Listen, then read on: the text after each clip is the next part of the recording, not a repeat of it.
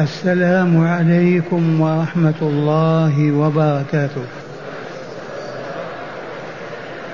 الحمد لله نحمده تعالى ونستعينه ونستغفره ونعوذ بالله من شرور أنفسنا ومن سيئات أعمالنا. من يهده الله فلا مضل له ومن يضلل فلا هادي له. وأشهد أن لا إله إلا الله وحده لا شريك له. وأشهد أن محمدا عبده ورسوله. أرسله بالحق بشيرا ونذيرا بين يدي الساعة. من يطع الله ورسوله فقد رشد. ومن يعص الله ورسوله فلا يضر إلا نفسه ولا يضر الله شيئا. أما بعد فإن أصدق الحديث كتاب الله تعالى وخير الهدي هدي سيدنا محمد صلى الله عليه وسلم وشر الأمور محدثاتها. وكل محدثة بدعة وكل بدعة ضلالة. ثم أما بعد أيها الأبناء والإخوة المستمعون ويا أيتها المؤمنات المستمعات إننا على سالف عهدنا في مثل هذه الليلة ليلة السبت من يوم الأحد ليلة الأحد من يوم السبت والليالي الثلاث بعدها بعدها ندرس إن شاء الله كتاب الله. رجاء أن نفوز بذلكم الموعود على لسان سيد كل مولود.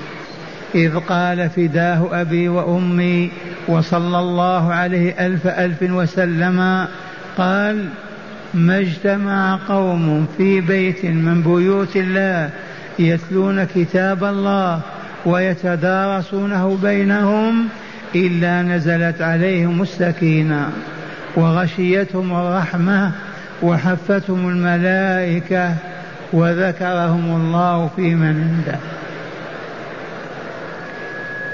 وها نحن قد انتهينا في دراستنا إلى هذه الآيات المباركة من سورة العنكبوت المكية. ألفت النظر إلى أن الصور التي نزلت بمكة يقال فيها مكية. والمكية مهمتها ما يدور عليه عملها إيجاد عقيدة سليمة صحيحة. شهادة أن لا إله إلا الله وأن محمدا رسول الله وأن البعث الآخر حق. هذه الشهادة هي العقيدة الإسلامية. متى وجدت في إنسان حيا أصبح حيا يسمع ويبصر ويقول ويأخذ ويعطي. وإذا فقدها فهو ميت. لا يسمع ولا يبصر ولا يعطي ولا يأخذ. وإن لم يحسنها لم يتقنها بل فيها خلل بزيادة أو نقصان فهو كالمريض يطوى على شيء ويعجز على آخر. فلهذا يجب أن نصحح عقيدتنا لتكون كعقيدة رسول الله صلى الله عليه وسلم وأصحابه. وبذلك نحيا حياة نصبح بها أهلا للسعادة في الدارين. فهيا بنا نصغي إلى تلاوة هذه الآيات المباركة مرتلة من أحد الأبناء ثم نتدارسها. والله تعالى نسأل أن ينفعنا بما ندرس ونسمع. أعوذ بالله من الشيطان الرجيم. فما كان جواب قومه إلا أن قالوا اقتلوه إلا أن قالوا اقتلوه أو حرقوه فأنجاه الله. فأنجاه الله من النار. إن في ذلك لآيات لقوم يؤمنون. وقال إنما اتخذتم من دون الله أوثانا مودة بينكم في الحياة الدنيا. وقال إنما اتخذتم من دون الله أوثانا مودة بينكم في الحياة الدنيا ثم يوم القيامة يكفر بعضكم ببعض ويلعن بعضكم بعضا ومأواكم النار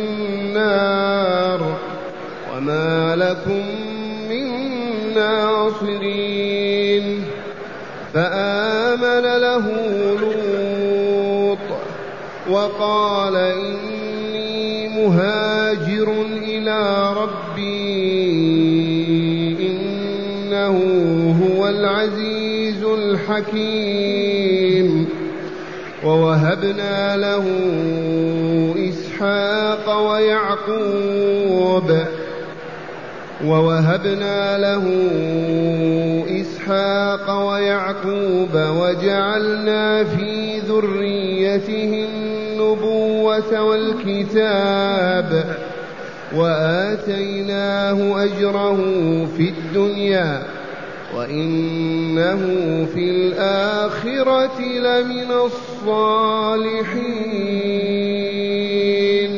أحسنت. معاشر المستمعين والمستمعات من المؤمنين والمؤمنات. قول ربنا جل ذكره فما كان جواب قومه. من هو هذا؟ هذا إبراهيم الخليل. هذا الأب الرحيم. هذا أبو الأنبياء أجمعين. هذا خليل الرحمن. واجه قومه البابليين سنين يدعوهم إلى الله إلى أن يعرفوا الله فيعبدوه فيكملوا ويسعدوا. فرفضوا وبعد ذلك لما أعجزهم وحيرهم وأدهشهم لاذوا بما يلوذ إليه الظلم والطغاة في الدنيا إلى قتله. لما أعجزهم أفحمهم قطع الطريق عنهم بالحجج بالبراهين العقلية النقلية ماذا يفعلون؟ بدل أن يؤمنوا ويسلموا قالوا اقتلوه. أو حرقوه لنستريح منه. فما كان جواب قومه إلا أن قالوا اقتلوه أو حرقوه. وقد علمنا أنهم أججوا نارا أربعين يوما واجتمعوا عليها ووضعوا إبراهيم في منجنيق ودفعوه به, به إلى النار.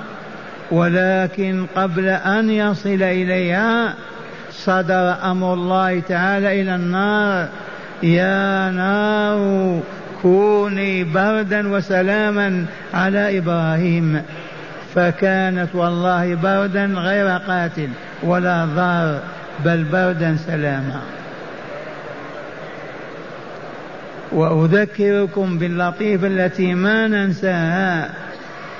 عرض له جبريل عليه السلام وهو في المسافة بين الجماعة الذين رموه والنار. وقال هل لك يا إبراهيم حاجة؟ قال أما إليك فلا حسبي الله ونعم الوكيل. فاحفظوا هذه الجملة. فقد قالها رسولكم صلى الله عليه وسلم وأصحابه لما تحزب الأحزاب عليهم. قالوا حسبنا الله ونعم الوكيل. يكفينا الله ونعم الوكيل يتولانا الله. لا وكيل أعظم منه ولا أقدر على إنشائنا وإسعادنا حسبنا الله ونعم الوكيل. وخرج إبراهيم من ذلك الأتون النار ولم تات النار إلا على كتافه الذي في يديه وفي رجليه. أحرقته فقط وخرج.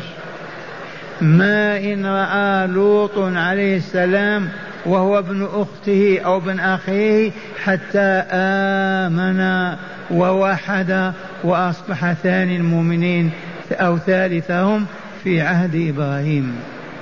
فآمن له لوط. هكذا يقول تعالى فما كان جواب قومه أي قوم إبراهيم إلا أن قالوا اقتلوه أو حرقوه فأنجاه الله من النار. لم تحرقه. ما أحرقت إلا كتافه كتافه فقط.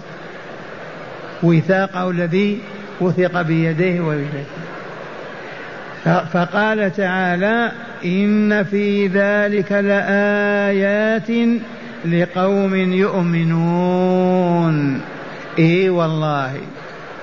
في هذا الذي ذكر تعالى من كون البابليين بدولتهم ورجالهم يوقدون نارا أربعين يوما ويلقون بإبراهيم في منجنيق فلا تحرقه ويخرج سالما في هذا والله لأعظم الآيات الدالة على وجود الله على علم الله على قدرة الله على حكمة الله على أنه لا إله إلا الله. إذ سنة الله في النار تحرق وإلا لا الحديد يقطع وإلا لا إذا الطعام يشبع وإلا لا الماء يروي وإلا لا سنن لا تتبدل أبدا وإذا أراد الله أن يبدلها فعل فتكون آية على مدال على وجود الله وعلمه وقدرته وحكمته. لكن من يجد هذه الآيات حتى يؤمن؟ المؤمنون. لأنهم أجيبوا أحياء. والحي يبصر ويسمع ويأخذ ويعطي.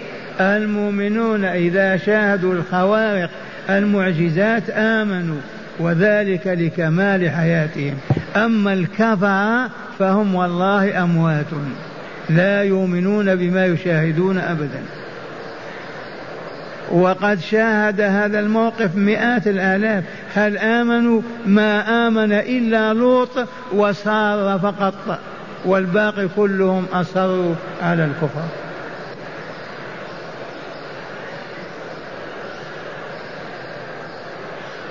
وقال أي إبراهيم عليه السلام لقومه إنما اتخذتم من دون الله أوثانا مودة بينكم مودة بينكم مودة بينكم قراءات سبعية مودة بينكم في الحياة الدنيا؟ ما معنى هذا الكلام قال لهم إن إصراركم على الشرك وعبادة الأصنام والأحجار هذا سره حقيقته. لماذا هذا؟ والله من أجل أن تتحابوا وتتعاونوا على الباطل. أما من أجل أية نتيجة أو فائدة أو ثمرة والله لا شيء. ماذا يستفيدون من عبادة الأحجار؟ ماذا يستفيدون من نصرتها والدفاع عنها؟ ماذا تغنيهم؟ ماذا تعطيهم؟ لا تملك شيئا ولا تعطيهم آخر. فلماذا إذا تحاموا وتدافعوا ويدفعون الحق بهذا الباطل ويدافعون عن آلاتهم قال إبراهيم جعلتم هذا لتتأصل المودة والمحبة بينكم وتعيشوا متعاونين.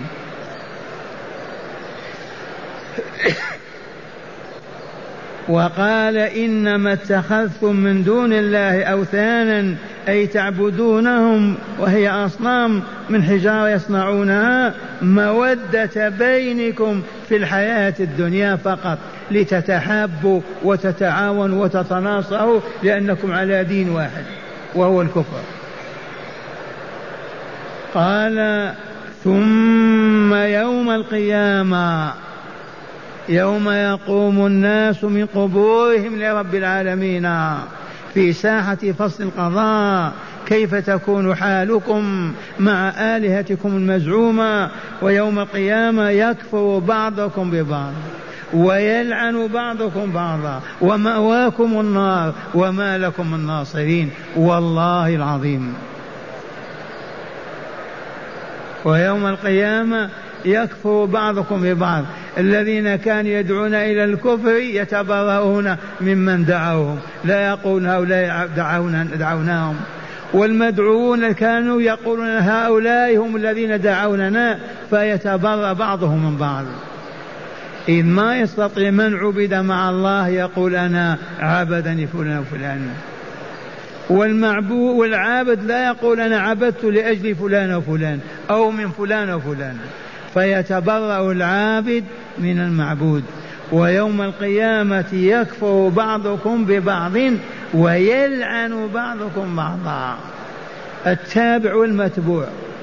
هؤلاء دعاة الباطل حكام أغنياء أشراف أهل البلاد معهم عوام فقراء أمة كاملة اتبعتهم وعبدوا معهم الأوثان. كيف يكون حالهم يوم القيامة؟ يكفر بعضهم ببعض.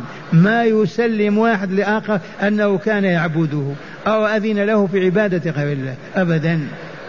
ويلعن بعضكم بعض ويطلب بعضكم لبعض النار والعذاب الأليم والعياذ بالله والخزي. ومأواكم أي مصيركم الذي تأوون إليه أخيرا النار. وما لكم من ناصرين من أين يأتيهم الناصرون؟ من ينصر أهل الباطل يوم القيامة؟ والله لا وجود لناصر أبدا. وما لكم من ناصرين هنا آمن لوط عليه السلام فقال تعالى فآمن له لوط. أمة كاملة شاهدت هذه الآيات ولما كانت أمة كافرة وثنية تعبد الأصنام وتكفر بالرحمن وتشرك به أمة كاملة ما آمنت وقد شاهدت المعجزة. الخارقة للعادة وهي أن يلقى إنسان في جهنم ويخرج يعرق يتفصل العرق من جبينه. ولا تأتي النار على ثوبه ولا قميصه ولا ولا. أية آية أعظم من هذه الآية ولما كانوا كافرين ميتين ما آمنوا فآمن له لوط. ولوط قيل إنه ابن أخيه أو ابن أخته. ولا حرج. ولوط أرسله الله إلى المؤتفكات وسيأتي الحديث عنه في الآيات الآتية. وآمنت به زوجته سارة وهي بنت عمه. سارة بنت عمه. فكم من أحد آمن؟ ثلاثة. ومن ثم هاجر ترك صوف أو كذا قرية من الكوفة والتحق بحران ودخل الشام. ثلاثة أنفار. هكذا يقول تعالى فآمن له لوط وقال أي إبراهيم عليه السلام إني مهاجر إلى ربي إنه هو العزيز الحكيم. وقد علمتم زادكم الله علما أن أول من هاجر في سبيل الله إبراهيم عليه السلام. أول من هاجر في سبيل الله إبراهيم. وعرفتم معنى الهجرة ترك المكان الذي كان فيه وهجره والتخلي عنه والابتعاد عنه لأنه مكان ما يستطيع أن يعبد الله فيه. ولهذا يجب على كل مؤمن ومؤمنة إذا وجد نفسه في بلد في قرية في إقليم لا يستطيع أن يعبد الله فيه إلا ووجب عليه أن يهاجر من ذلك المكان. لأنه خلق للعبادة. فإذا تعطلت ما ما قيمة وجوده يجب أن يهاجر. مرة ثانية. على أي مؤمن أو مؤمنة يجد نفسه في دار في عمارة في فيلا في قرية في واد في جبل لا يستطيع أن يعبد الله ما دام في ذلك المكان. إلا والله وجبت عليه الهجرة. لماذا تجب عليه الهجرة؟ لأنه خلق لهذه العبادة. أليس كذلك؟ فإذا تعطلت لما يبقى؟ ما سر وجوده؟ أليس أن يعبد الله ليسعد ويكمل؟ فإذا تعطلت العبادة كيف يسعد ويكمل؟ هاجر. فأول من هاجر في الدنيا إبراهيم وابن أخيه أخته لوط وسارة زوجة إبراهيم عليه السلام. وأول من هاجر من أمة محمد صلى الله عليه وسلم عثمان بن عفان الصاحب للنبي الثالث مع زوجته رقية بنت رسول الله هاجروا من مكة إلى الحبشة. ما ننسى هذه. من أول من هاجر من أمة محمد صلى الله عليه وسلم؟ عثمان بن عفان. مع زوجته بنت رسول الله رقية إلى أين هاجروا؟ ما تمكنوا من العبادة في مكة وقد فرضت العبادة. إذا فالتحقوا بالأحباش حيث يوجد ملك صالح هو أصحم النجاشي.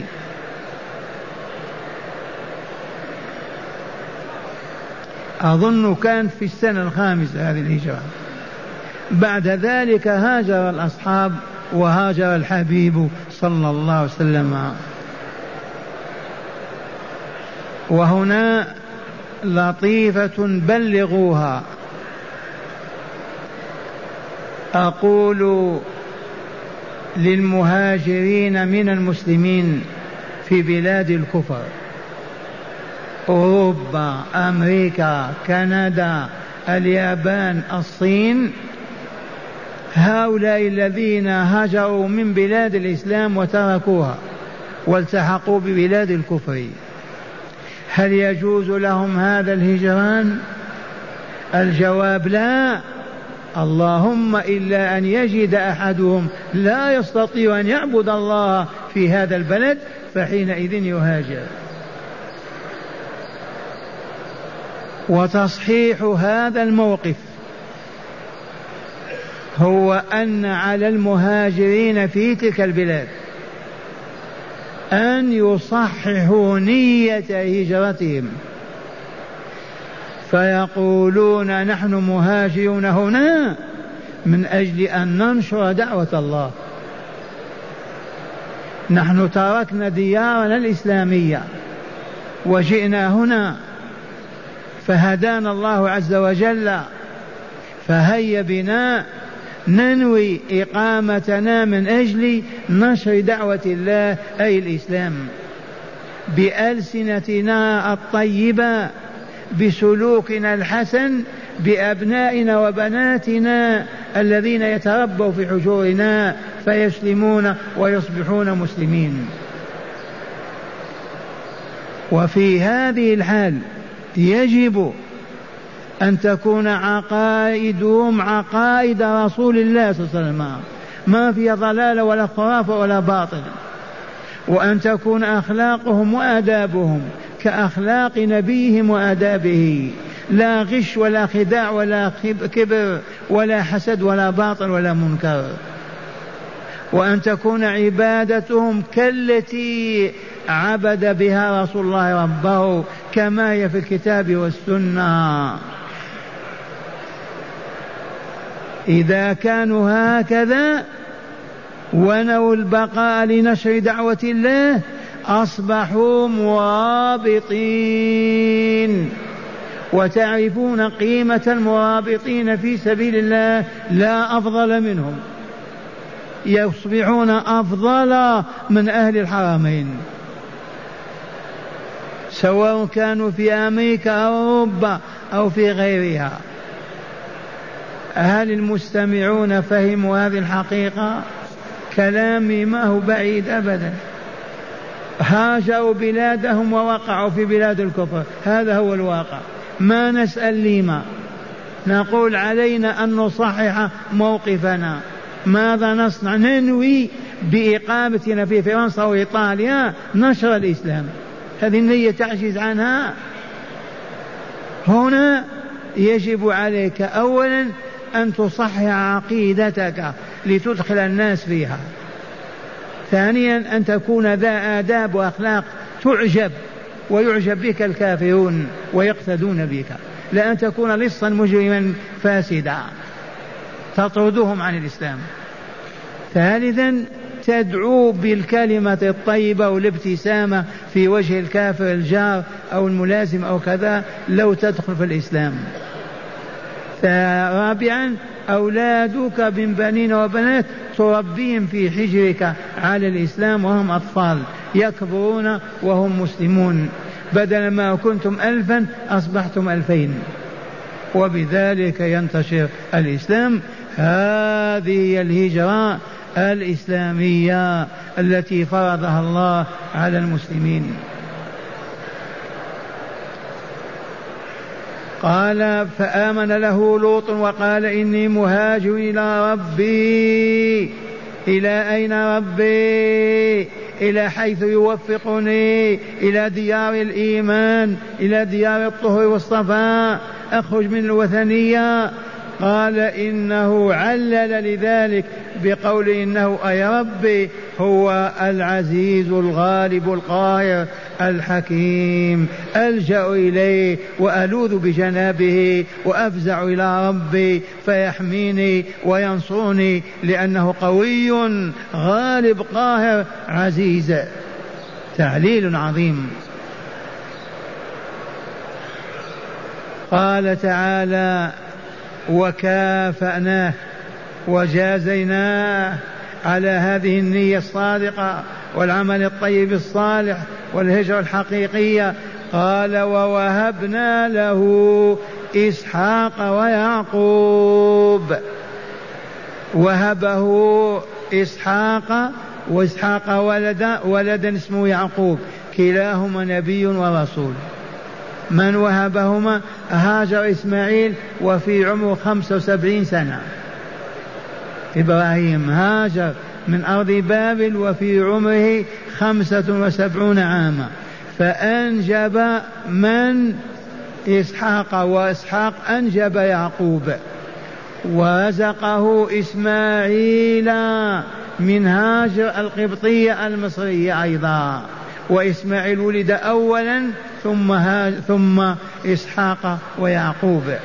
ووهبنا له إسحاق ويعقوب.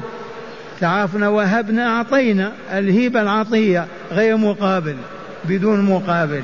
ووهبنا إسحاق ويعقوب.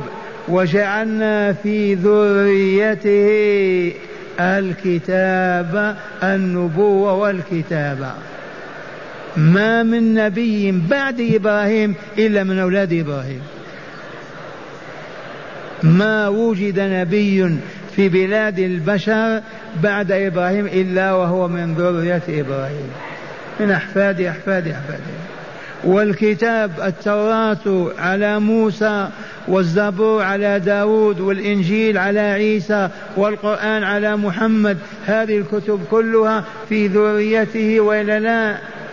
هذه هيبة عظيمة عطية عظيمة مقابلة الصبر والثبات. قرابة سبعين سنة أو ثمانين وهو يجالد ويجادل ويدعو ويدعو إلى الله. وأخيرا حكموا بإعدامه وألقوه في جهنم. فكافأه الله هذه المكافأة وجزاء هذا الجزاء فقال تعالى وجعلنا في ذريته النبوة والكتاب وآتيناه أجره في الدنيا. ما أجره في الدنيا؟ عمارات مزارع مصانع. ما المراد من هذا الأجر؟ في الدنيا. هذا الأجر في الدنيا اليهود النصارى المجوس البشرية كلها تذكر إبراهيم بخير. ولا توجد ملة كافرة تسب إبراهيم أو تمقته وما فاز بهذا أحد إلا إبراهيم. اليهود يقدسون إبراهيم. النصارى يقدسونه. المجوس يقدسونه. أما المسلمون لا تسأل. فهم أهل لذلك. وآتيناه أجره في الدنيا هذا الجزاء الذي حصل هو إكرام البشرية به له في حياتها. وفي الآخرة لمن الصالحين.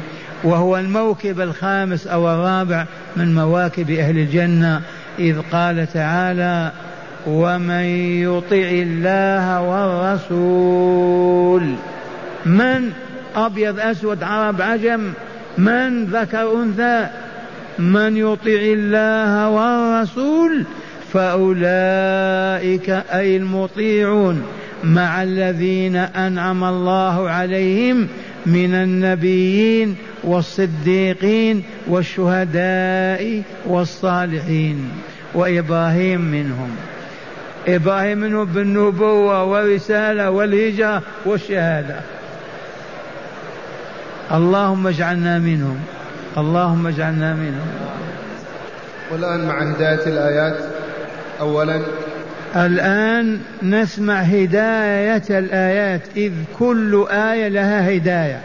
أليست كل آية لها علامة ولا لا؟ العلامة هي الآية.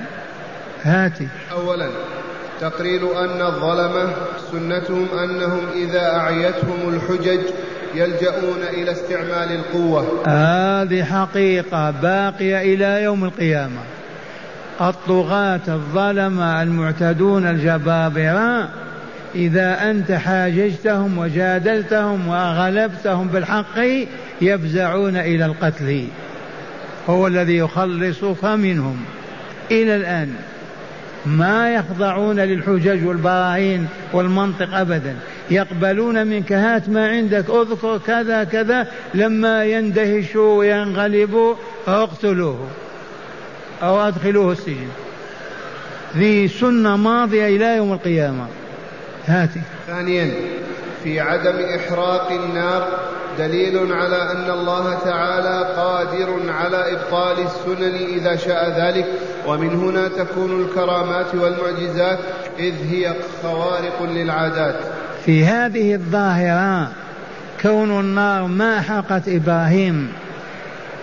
فيها دليل على أن الله عز وجل له أن يوقف.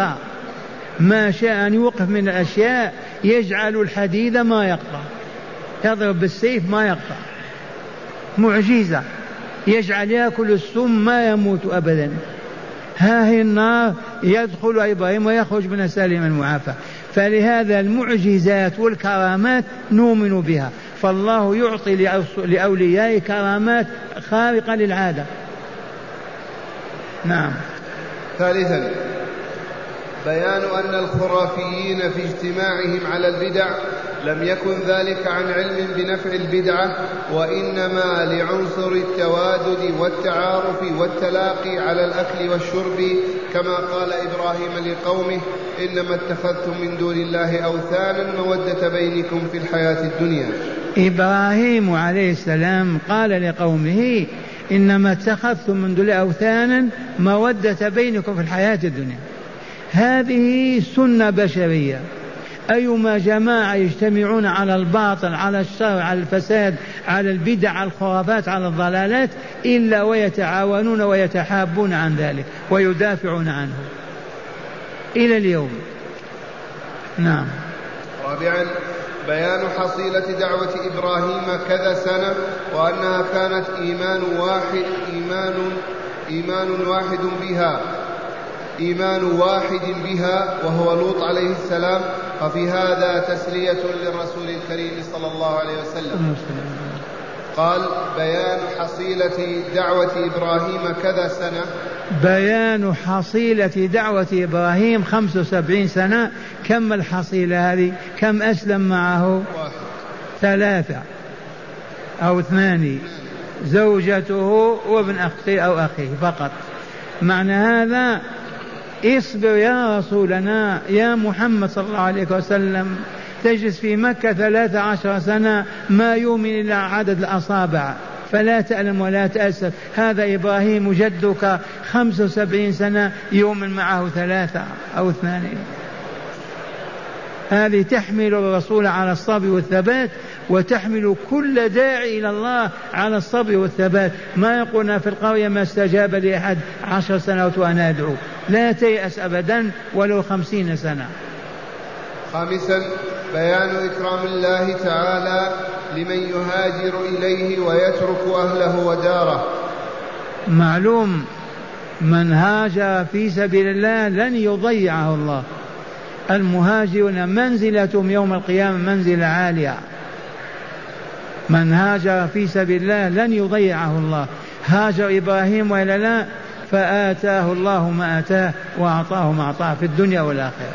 وأخيرا بيان ما أكرم الله تعالى به إبراهيم من خير الدنيا والآخرة جزاء صبره على دعوة الله أي نعم. تعالى. بيان جزاء الله لإبراهيم على صبره وثبات على دعوة الحق على أن يعبد الله وحده وكانت ذكرى دائمة خالدة في الدنيا وكرامة عالية وعظيمة في الجنة يوم القيامة.